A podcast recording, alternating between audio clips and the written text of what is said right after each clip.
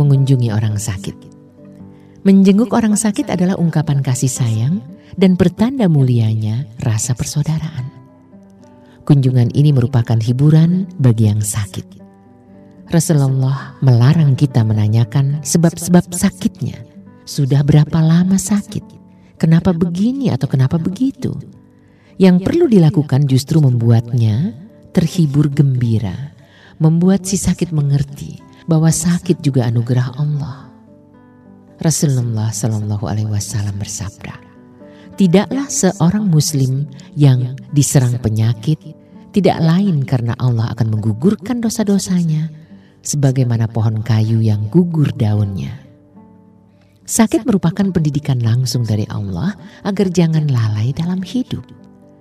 Mengunjungi orang sakit bagi orang Muslim adalah ibarat membawa rahmat.